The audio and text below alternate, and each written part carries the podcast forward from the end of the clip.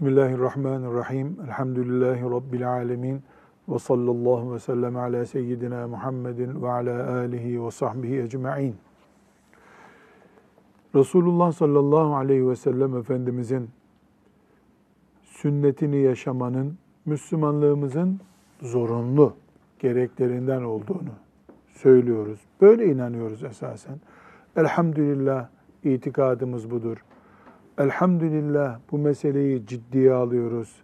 Asla gevşek görmüyoruz. Allah'a hamdolsun bu büyük nimet. Neler yapmamız gerektiğine dair örnekler var Riyazu Salihinde. Peygamber sallallahu aleyhi ve sellemin sünnetini nasıl, hangi ciddiyetle ele almamız gerektiğine. Şimdi bu örneklerden bir tanesini 166. hadisi şerifi okuyacağız.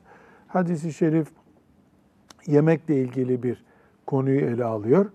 Biz hem yemek konusunda Peygamber sallallahu aleyhi ve sellem Efendimiz'e uyumanın önemini öğreneceğiz. Hem hayatımızla ilgili genel kurallardan birisini öğrenmiş olacağız. İnşallah 166. hadisi şerifin mealini dinleyelim. Buyur Hafız Efendi. Cabir radıyallahu anh'ten rivayet edildiğine göre Resulullah sallallahu aleyhi ve sellem parmakları yalamayı, yemek tabağını silmeyi emretti. Ve sizler gerçekten bereketin hangisinde olduğunu bilemezsiniz buyurdu. Müslim'in bir başka rivayeti şöyledir. Resulullah sallallahu aleyhi ve sellem şöyle buyurdu. Sizden birinizin lokması düştüğünde hemen onu alsın ve üzerine yapışanları temizleyip yesin. Onu şeytana bırakmasın. Parmaklarını yalamadıkça da elini mendile silmesin.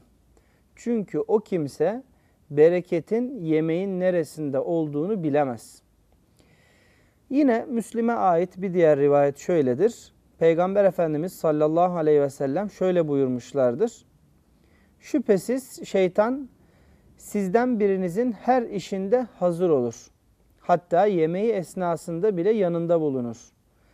Sizin birinizin lokması düşerse üzerine yapışanları temizleyip yesin. Lokmasını şeytana bırakmasın. Şimdi hafızım,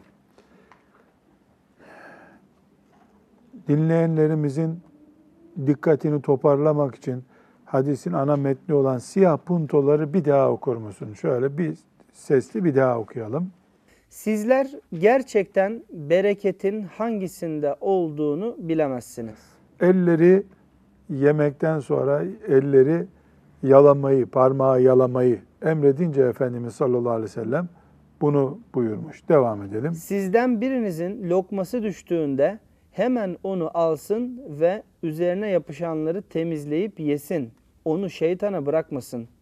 Parmaklarını yalamadıkça da elini mendile silmesin. Çünkü o kimse bereketin yemeğin neresinde olduğunu bilemez. Şüphesiz şeytan sizden birinizin her işinde hazır olur. Hatta yemeği esnasında bile yanında bulunur. Sizin birinizin lokması düşerse üzerine yapışanları temizleyip yesin. Lokmasını şeytana bırakmasın. Böyle okudunuz ya. Şimdi ben e, özet olarak ne anladığımı söyleyeyim. Resulullah sallallahu aleyhi ve sellem Efendimiz yemek yediğimiz zaman şeytanın yemeğimize ortak olmaması için yemeğimizden düşen lokmayı bile alıp yememizi tavsiye ediyor. Tabakta kırıntı bırakmamamızı tavsiye ediyor. Hatta parmaklarımızı yalamamızı tavsiye ediyor. Ve soframız dahil şeytanın bizimle beraber bulunduğunu unutmamamızı istiyor, emrediyor. Şimdi burada biz hayatımıza müdahale eden, bizi peygamberlik değerlerine göre yaşamayı emreden hadislerden birisiyle karşı karşıyayız. Müslüman helalinden para kazanmış, pazardan yiyecek almış, oturmuş çoluk çocuğuyla yiyor. Ev helal, aile helal, sofradakiler helal, helal üstüne helal. Allah'ın emrettiği hayatı yaşıyoruz. Belki Ramazan-ı Şerif'te iftardayız. Şeytan orada olabilir. Dikkat edin buyuruyor. Sallallahu aleyhi ve sellem Efendimiz. Peki nasıl bulunacak? Yemekte bize ölçüler koymuştu değil mi? Besmele ile başlayın buyurmuştu. Sonra yemek bitince elhamdülillah deyin buyurmuştu. Şimdi burada bir şey daha söylüyor. Yemekte kırıntı bırakmayın diyor. O kadar ki parmaklarınızı yalayın diyor. Buradaki bu parmakları yalama kelimesini anlamamız için şuna dikkat etmemiz lazım. Efendimiz sallallahu aleyhi ve sellemin zamanında kaşık kullanılmıyordu. Kaşık ve çatal yoktu. İnsanlar bu üç parmaklarıyla yemeği yiyorlardı. Çorba nasıl yiyorlardı diyeceğiz, diyemeyeceğiz. Neden? Çorba bizim kültürümüzde var. Çorba kelimesi de Arapça şeribe fiilinden geliyor. Çorbayı aslında içilecek kıvamdaki yemek diye yapıyordu insanlar. Yani şurba kelimesi içilecek yemek anlamında. Tıpkı ayran gibi onu içiyorlardı demek ki. Ama her halükarda Resulullah sallallahu aleyhi ve sellemin zamanında kaşık ve çatal kullanılmıyordu. Elleriyle yemek yiyorlardı. Yenecek yemekler de pişirilmiş bir etti. Et suyunda kaynatılmış bir ekmek, kuru ekmekti. Benzeri yemekler yeniyordu. Dolayısıyla parmaklarınızı yalayın dediğinde zaten parmakların senin et suyuna batırılmış bir şekilde idi. O parmakların yalanması yani yemeğin israf edilmemesi. Çünkü parmakta e, mesela şöyle düşünelim. E, bir koyundan yarım kilo et yiyen birisinin mesela parmaklarında yağ e, birikmiş yağ, et kırıntıları var. Bunları yalamayı buyuruyor Efendimiz sallallahu aleyhi ve sellem. Hatta ve hatta e, o yemekten bir kırıntı yere düşüyor. Düştüğü yerden ona toz moz yapışıyor.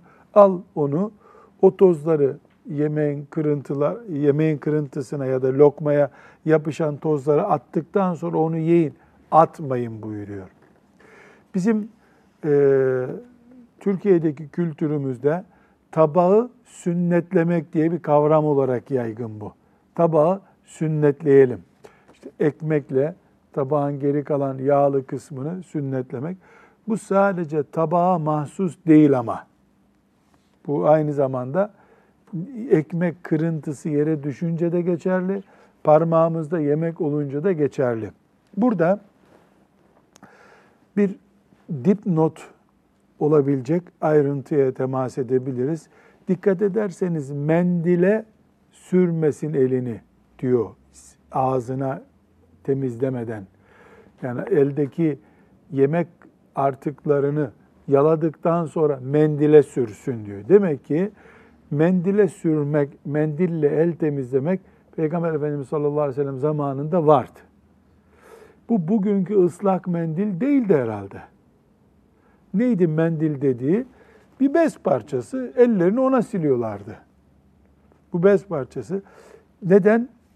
Ee, bizdeki gibi gidip lavaboda e, su kullanarak el yıkama imkanı da yok.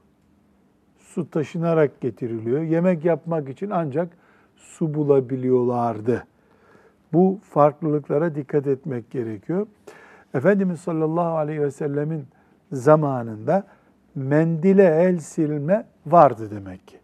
Dolayısıyla bugün de te, e, Müslüman bir insanın yemekten sonra mendil kullanmasında bir sakınca olmadığını açık bir şekilde görüyoruz. Bir. İkinci notumuz, yemek yemeden önce temizlenmişse eller, insan onu ağzına götürebilir. Yemekten önce el yıkamanın da, elleri mikroptan arındırmanın da böyle bir sünnet olduğu ortaya çıkıyor. Mesela iş ortamında kirlenmiş ellerle Müslüman sofraya oturduğu zaman e, hem o yediği her lokmada elleri mikroplu olduğu için sorun yaşıyordur. Hem de yemekten sonra o herhangi bir şekilde el temizleyemez, ağzıyla elini temizleyemez, parmaklarını yalayamaz. Bu notlara e, dikkat ediyoruz. Bu hadisi şerif bizi Resulullah sallallahu aleyhi ve sellem Efendimizin hayata şekil veren kurallarından birisiyle karşılaştırıyor. Peygamberimiz aleyhissalatu vesselam çok rahat bir şekilde söylüyoruz ki sofralarımıza kural getiriyor. Sofralarımıza kural getiriyor. Onun peygamberliği de bunu gerektiriyor. O sadece hacca gidenlerin e, ziyaret edip salavat getirip geri geldiği bir peygamber değil. Sofralarımıza şekil veren bir peygamberdir. Aleyhissalatu vesselam. Bunu da bu hadis-i şeriften öğreniyoruz. Burada aleyhissalatu vesselam Efendimiz sofralarımızın Müslümanca, sünnete uygun sofralar olmasını dizayn ederken bizim bir pencereden daha bakmamızı sağlıyor. O hangi penceredir? Sofrada bile şeytana karşı dik duran Müslüman olmamızı istiyor. Şimdi namaz kılarken şeytan zihninizi karıştırmasın diye bize tembih eden odur. Oruçluyken dikkat edin şeytan sizin orucunuzu bozdurmasın diyen odur. Müstehcenliğe karşı dikkat edin aman şeytan zinaya teşvik etmesin sizi diye tembih etmiyor mu bize? Kumara, zinaya, faize karşı aldatmasın sizi diyor. Mesela sabah namazına kaldırmamak için sizi namazı kılmayın diye şeytan tuzağı kurar hazır olun diyor. Unutmamamız gereken bir kapı daha açıyor. Nedir o? Dikkat edin şeytan sofranıza müdahale edebilir diyor. Bunu nerede söylüyor? Lokmanızı şeytana bırakmayın buyuruyor. Biz lokmamızı şeytana nasıl bırakarız ki? Şöyle bırakarız. Yere düştü, yere düştü diye iğreniyorsun. Tabağın dibinde kaldı, tabağın dibinde diye iğreniyorsun. Parmaklarına e, mesela diyelim ki tereyağı bulaştı sofrada. Onu yalayamıyorsun, kendi parmağını iğreniyorsun. Şeytanın memnun olduğu şey bu. Kendi kaşık saldığın, çatal batırdığın tabağa iğreniyorsun sen. Burada bakıyoruz ki Peygamber Efendimiz sallallahu aleyhi ve sellem bir sofra terbiyesi bölümü açmış bize. Orada israf eğitimi yapıyor. İsrafa karşı eğitiyor bizi. Lokma bile olsa yere düşen, mesela diyelim köfte düştü. Mesela baklava dilimi düştü. Lokma bile olsa ki bir lokma bizim sofralarımızda yüzde bir bile değildir herhalde. Mesela bir iftar sofrasında belki 500 lokmalık bir yiyecek olur iyi bir iftar sofrasında. Onun yüzde biri bile olsa israf eğitimi yapıyor. İsrafa dikkat edin diyor. İki, gurur, kibir eğitimi yapıyor bize. Kibre karşı dikkatli olmamızı söylüyor. Ya kibir nerede burada? Lokmayı yerden, sofradan veya sofra bezinden alıp üstündeki tozları kaldırıp ağzımıza götürme bir gurura karşı eğitim yapıyor. Üçüncüsü bizim yemek şehvetimizi eğitiyor. Yemek nasıldır? İnsan hep böyle mangaldan alıp ağzına koymayı şehvet olarak, yeme şehveti olarak görüyor. Halbuki Efendimiz sallallahu aleyhi ve sellem bizi o noktadan kaldırıp yere düşmüş lokmayı bile ağzımıza koyacak kıvama getirmeye çalışıyor bizi. Burada net bir şekilde görüyoruz. Efendimiz sallallahu aleyhi ve sellemin peygamberliği bizim eğitim sürecimizdir. Peygamber sallallahu aleyhi ve sellemin sünnetine göre yaşamak demek, öğretmenin önünde eğitim gören talebe olmak demektir. Peygamber sallallahu aleyhi ve sellem bizim babamız gibidir. Bizim öğretmenimiz gibidir. Bize hayatı öğretiyor. Bu sofradaki parmağınızı yalayın ha. Yere düşen lokmayı alın. Üstündeki e, çöp yapıştıysa onu atın. Onu ağzınıza koyun ha. Aman dikkat edin şeytan sofranızda size ters yön göstermesin demesi bir eğitimi gösteriyor. Tevazu eğitimi veriyor. Değil mi? Müslüman mütevazi, kibirli olmaz diyor. Müslümanın ekonomisini, iktisadını sofradan ayarlayacak şekilde başlamasını tembihliyor. Müslüman sadece para harcamayarak veya işte markette fazla israf yapmayarak herhangi bir şekilde yüzde yüz iktisatlı Müslüman olmuyor. Sofrada lokmada başlayacak bu iktisat eğitimi. Sofrada lokmanı israf etmeyerek hatta parmağının ucuna yapışmış olan gıdayı ağzına koyar yani parmağın ucuna ne yapışabilir ki? Bir gram, iki gram yağ yapışır. Veyahut da işte peynir e, zerrecikleri yapışır. Orada bile iktisatlı olmayı bize tembihliyor sallallahu aleyhi ve sellem Efendimiz. Öğretmen bu işte. Böyle bir öğretmenin ümmetiyiz elhamdülillah. Burada şu soruyu sorabiliriz. Biz de parmaklarımızla mı yemek yiyelim? Bir defa bizim köfteden başka parmakla yenecek yemeğimiz yok. Efendimiz sallallahu aleyhi ve sellem parmaklarınızla yediğiniz zaman diye bunu söylüyor. Çatal ve kaşık kullanmak mekruh değildir. Serbesttir. Elle yemek yenmesi ise serbesttir. Köfteyi vesaireyi, karpuzu, kavunu elle yiyebiliriz. Ama çok mikrobik bir dünyada yaşıyoruz biz. Çok mikrobik dünyada yaşıyoruz. Mesela şöyle söyleyeyim, e, lavaboya gidiyoruz, yemekten önce elleri yıkamak sünnettir diyoruz. E, sünnet olduğu için de ellerimizi yıkıyoruz. Mesela misafirliğe gittiğimizde havlu uzatıyorlar. Yemekten önce ellerini yıkadın ya. Havlu ne demek? Senden önce 20 kişinin elini kuruladığı şey demek. O da mikroplu zaten. Dolayısıyla maksat hasıl olmuyor. Çok mikrobik bir dünyada yaşıyoruz. Herhalde bizim çatal kaşık kullanmamız daha evla. Neden? Çünkü Efendimiz sallallahu aleyhi ve sellemin yaşadığı ortam daha hijyenikti, daha tabiiydi. Evet deve ahırlarının yanında yaşıyorlardı ama dünya mikrop yuvası değildi. Şimdi yani sadece sokak kiri değil, hava bile insanları rahatsız edecek bir mikrop ortamı e, kümesine dönüştü.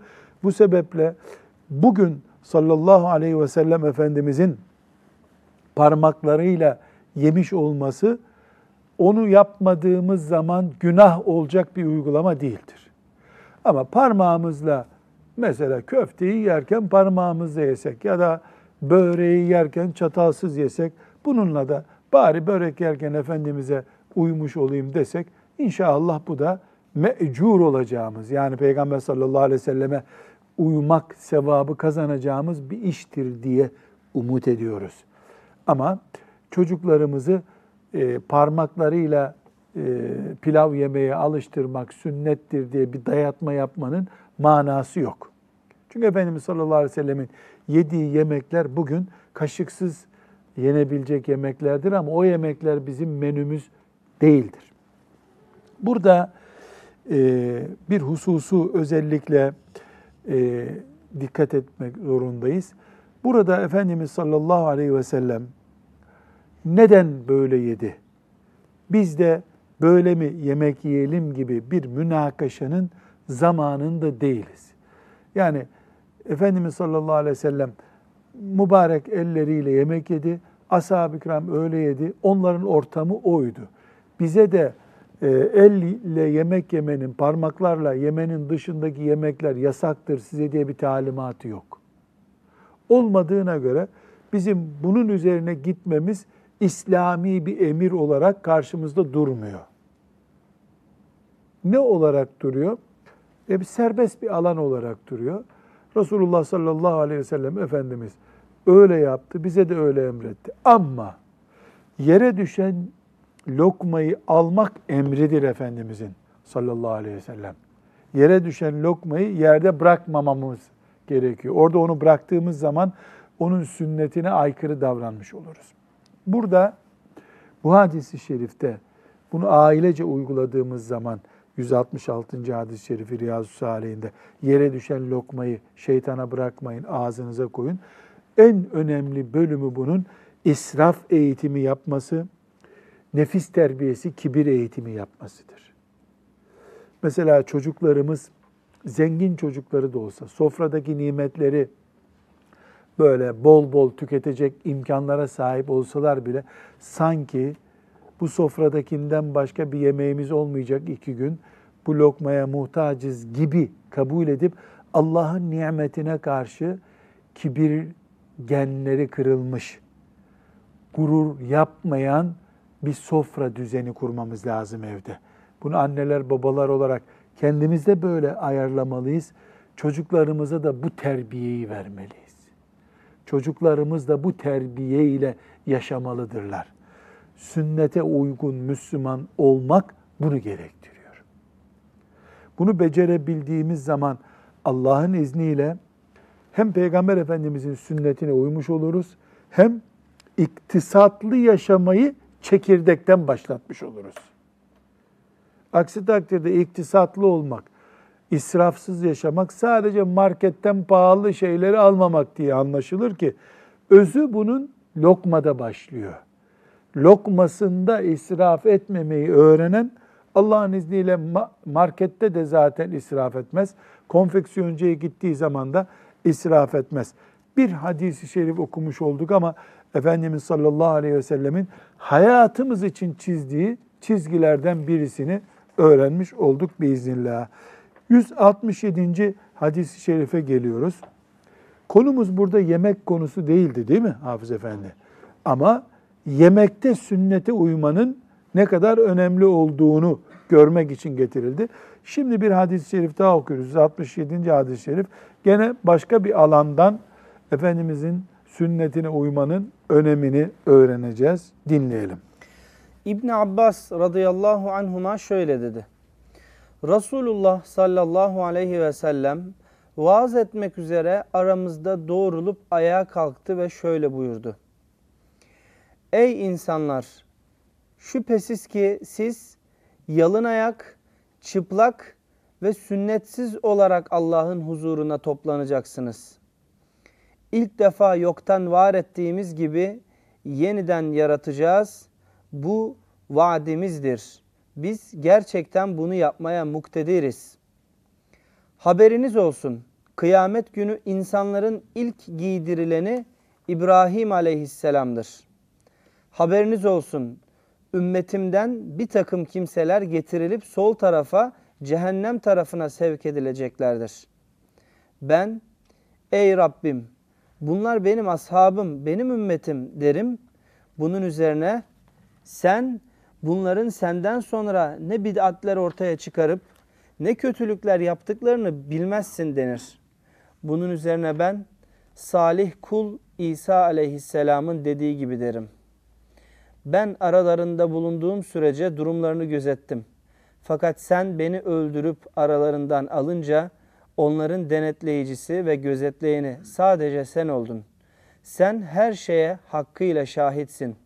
Onları cezalandıracaksan şüphesiz ki onlar senin kullarındır. Eğer onları bağışlayacaksan mutlak güçlü ve hikmet sahibi ancak sensin. Bunun üzerine bana şöyle denilir. Gerçekten onlar sen kendilerinden ayrıldığından beri topukları üzerinde geri dönüp dindarlıktan dinsizliğe yönelmeye devam ettiler.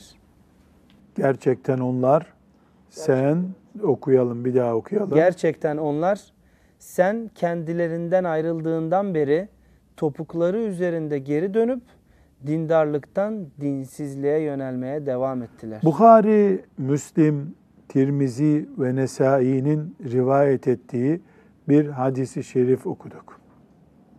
Hadisi şerif kıyamet sahnelerinden bir sahneyi bize tarif etti. Yalın ayak, çıplak, sünnetsiz yani sünnet yapılmış oluyor ya erkek. Kıyamet günü dirildiğinde sünnetsiz olarak yani sünnet yapılmamış olarak ilk annesinden doğduğu günkü gibi herkes yaratılacak. Çırılçıplak, yalın ayak. Kıyamet sahnesi bu.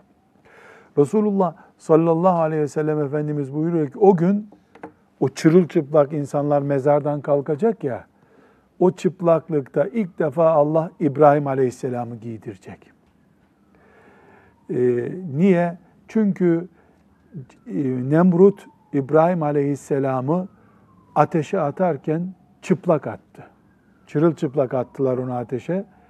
O Allah yolunda Nemrut'un ateşine atılırken ki çektiği eziyete karşılık Allah onu yeniden İbrahim Aleyhisselam'ı ilk defa dirilttiği zaman insanları giydirerek ikram etmiş olacak Allah. Yani o günkü eziyetine karşılık kıyamet günü ilk elbiseyi giyecek. Esasen konu İbrahim Aleyhisselam konusu değil ama Efendimiz sallallahu aleyhi ve sellem onu araya sıkıştırmış oluyor. İbrahim Aleyhisselam böyle bir ikram görecek. Sonra çok önemli bir nokta İbrahim Efendimiz sallallahu aleyhi ve sellem kıyamet sahnelerinden bir sahne anlatıyor. Yani Efendimiz Havzu Kevser'inin e, başında ümmetini bekliyor, şefaat etmek için bekliyor. Fakat bir grup insan Efendimizin sol tarafından hiç Efendimizle görüştürülmeden alınıp götürülüyor. Onları ümmetinden olarak tanıyacak Efendimiz. Bunlar benim ümmetim ya Rabbi. Bunlar alıp gidiyor melekler. Yani benim ümmetim değil mi bunlar? Gelmeyecekler mi benim yanıma demek istiyor. Ee, allah Teala da ona buyuruyor ki ey Muhammed senden sonra bunlar değişik yollara takıldılar. Şimdi senin yanında durma hakları yok bunların. Bu ne anlama gelir? Resulullah sallallahu aleyhi ve sellem Efendimizin ümmetinden bir defa bunlar. Çünkü Efendimiz onları tanıyor. Bunlar benim ümmetimden ya Rabbi nereye götürüyorsun bunları? Nereye götürüyor melekler? Soruyor.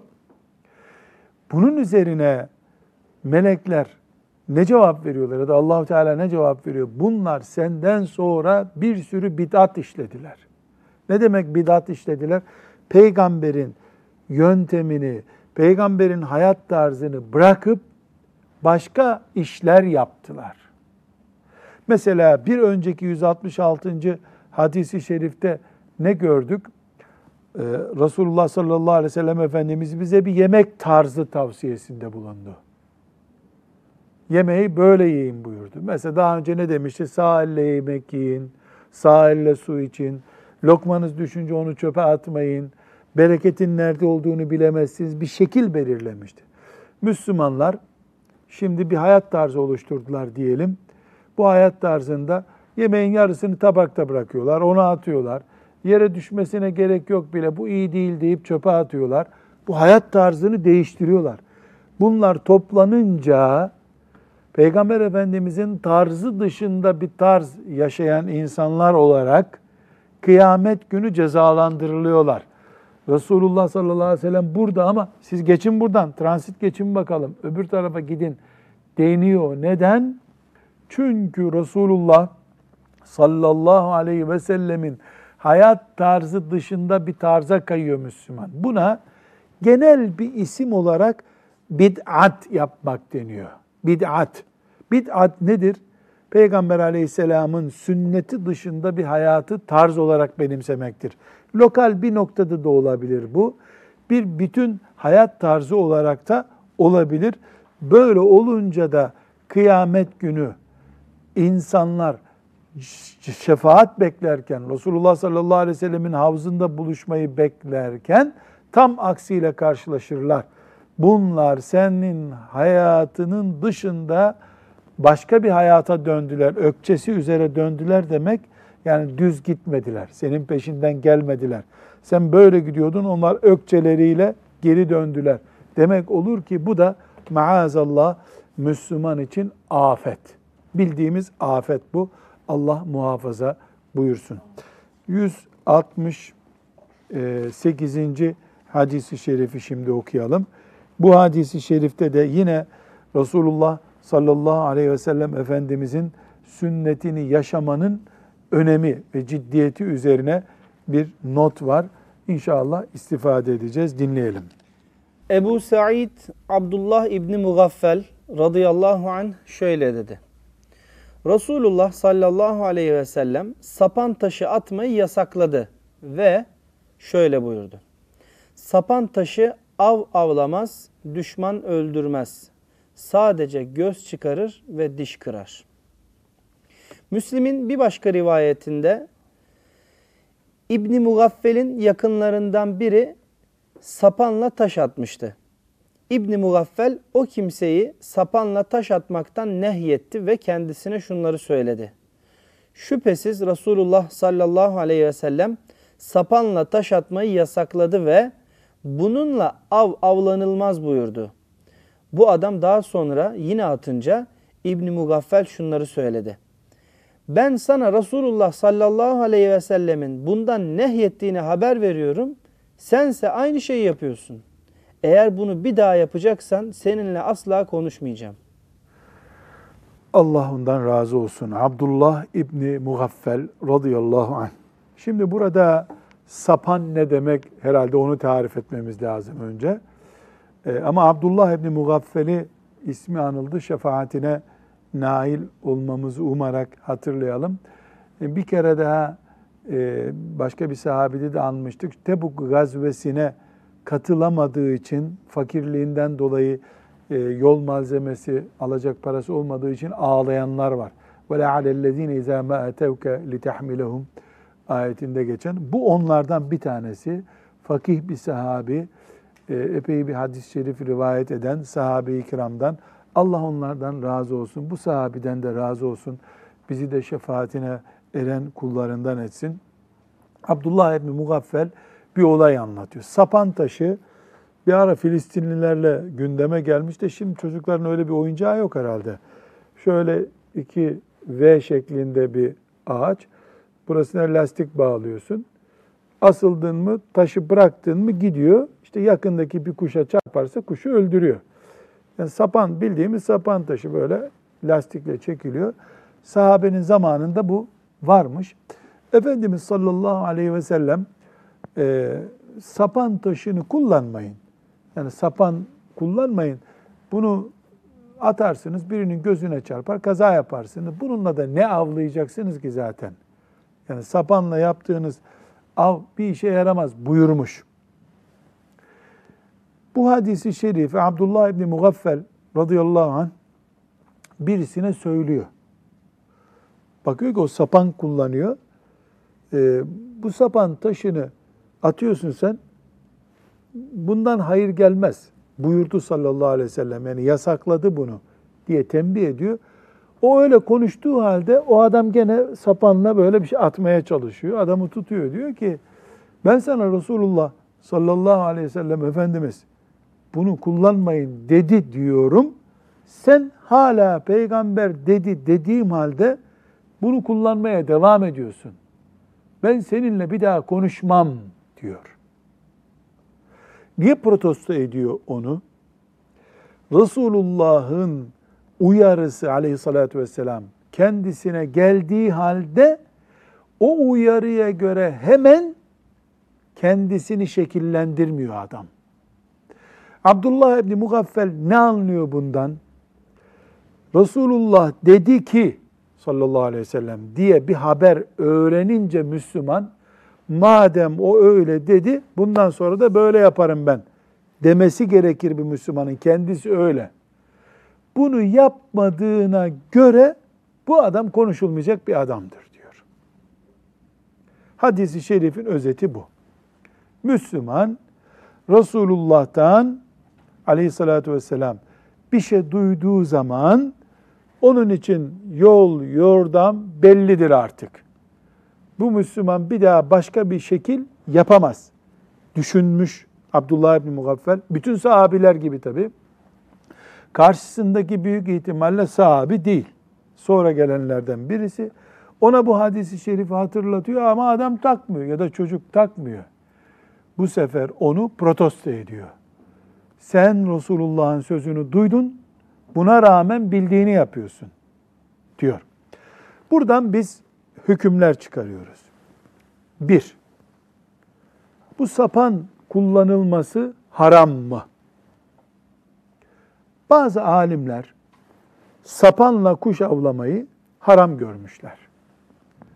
Neden? Hadisi şerif açıkça söylüyor demişler. Ama genel olarak sapan kullanmak haram değildir. Zarar verecek şekilde kullanmak haramdır diye anlamış alimlerimiz. Binaenaleyh biz şimdi sapan kullanmak caiz midir sorulduğunda yani bir işe yarayacak özellikle bir avlanmak için kullanılacaksa zarar yok ama oyuncak olarak kullanılmasını kerih görmüş alimlerimiz. Hocam günümüzde boncuk tabancaları var biliyorsunuz. Onlar da aynı şekilde bu kategoriye giriyor herhalde. Boncuk tabancalar, e, havai fişekler, e, ateşli atış yapan tabanca çeşitleri var. İçinde Müslümanın günlük hayatına katkı getirecek, kazanç sağlayacak bir fayda oluşturmayan, sadece eğlenmek için, zevk için kullanılan ama tehlikede oluşturan ne varsa yasak. Bunun yasaklığı da canlıya zarar verdiğinden kaynaklanıyor. Sapan genelde çocuğun kendisine dönebilen bir tehlike götürüp başkasının gözünü çıkarabiliyor. Bu tehlikede. Havai fişekte var aynı şey. Şimdi tabancalar var. İşte eğlencelerde falan onları atıyorlar. Atarken onu bunu da yaralıyorlar bu arada. Bunlar eğlence maksatlı hiçbir faydası yok. Sadece masraf. Bu bunları caiz görmüyoruz. Yani değil diyor alimler. Bunu bu hükümden çıkarıyorlar. Sapanla ilgili kural bu. İkinci olarak buradan ne çıkıyor? Müslüman yanlış gördüğü zaman bu yanlışa karşı doğruyu biliyorsa eğer, mesela çocuk sapanla oynuyor, Abdullah bin Mugaffel radıyallahu anh bunun kuralını biliyor. Müslüman susmaz. Uyarısını yapar, nasihatini yapar insandır Müslüman. Eğer bunu beceremezse Müslüman, yapmazsa mesul olur. Niye mesul olur? Müslümanın ağzında bana ne kelimesi yoktur çünkü. Müslüman bana neci değildir. Müslüman bu hayatı kendisi için sağlıklı yaşamak istediği gibi, cenneti kazanmak istediği gibi, herkesin bu hayatı sağlıklı yaşayıp cenneti kazanmak yolunda olmasını ister Müslüman. Bana neci insan, Efendimiz sallallahu aleyhi ve sellemin sünnetinden ayrı insandır. Bunun için Müslümanın yanlış gördüğü yerde emri bil ma'ruf ve nehy anil münker dediğimiz ibadeti icra etmesi lazım. İşte burada bu sahabi ne yapıyor? Sapan kullanan birisini görüyor. Biz, bize peygamberimiz bunu yasaklamıştı diyor. Bakıyor ki bu emri bil marufunun faydası yok. Bu sefer tepkisini koyuyor. Seninle konuşmam diyor. Buradan bir kural daha anlıyoruz. Kendi yakının da olsa, çocuğun da olsa, akraban da olsa veya uzaktan tanımadığın birisi de olsa dinin ve peygamberinin akrabalıktan öne geçiyor olması lazım. Bu, bu sahabi mesela tepkisini gösteriyor, yakın akrabasına gösteriyor bu tepkiyi. Komşusuna gösteriyor. Resulullah'ın sözü söyleniyor aleyhissalatü vesselam. Nasihati söyleniyor.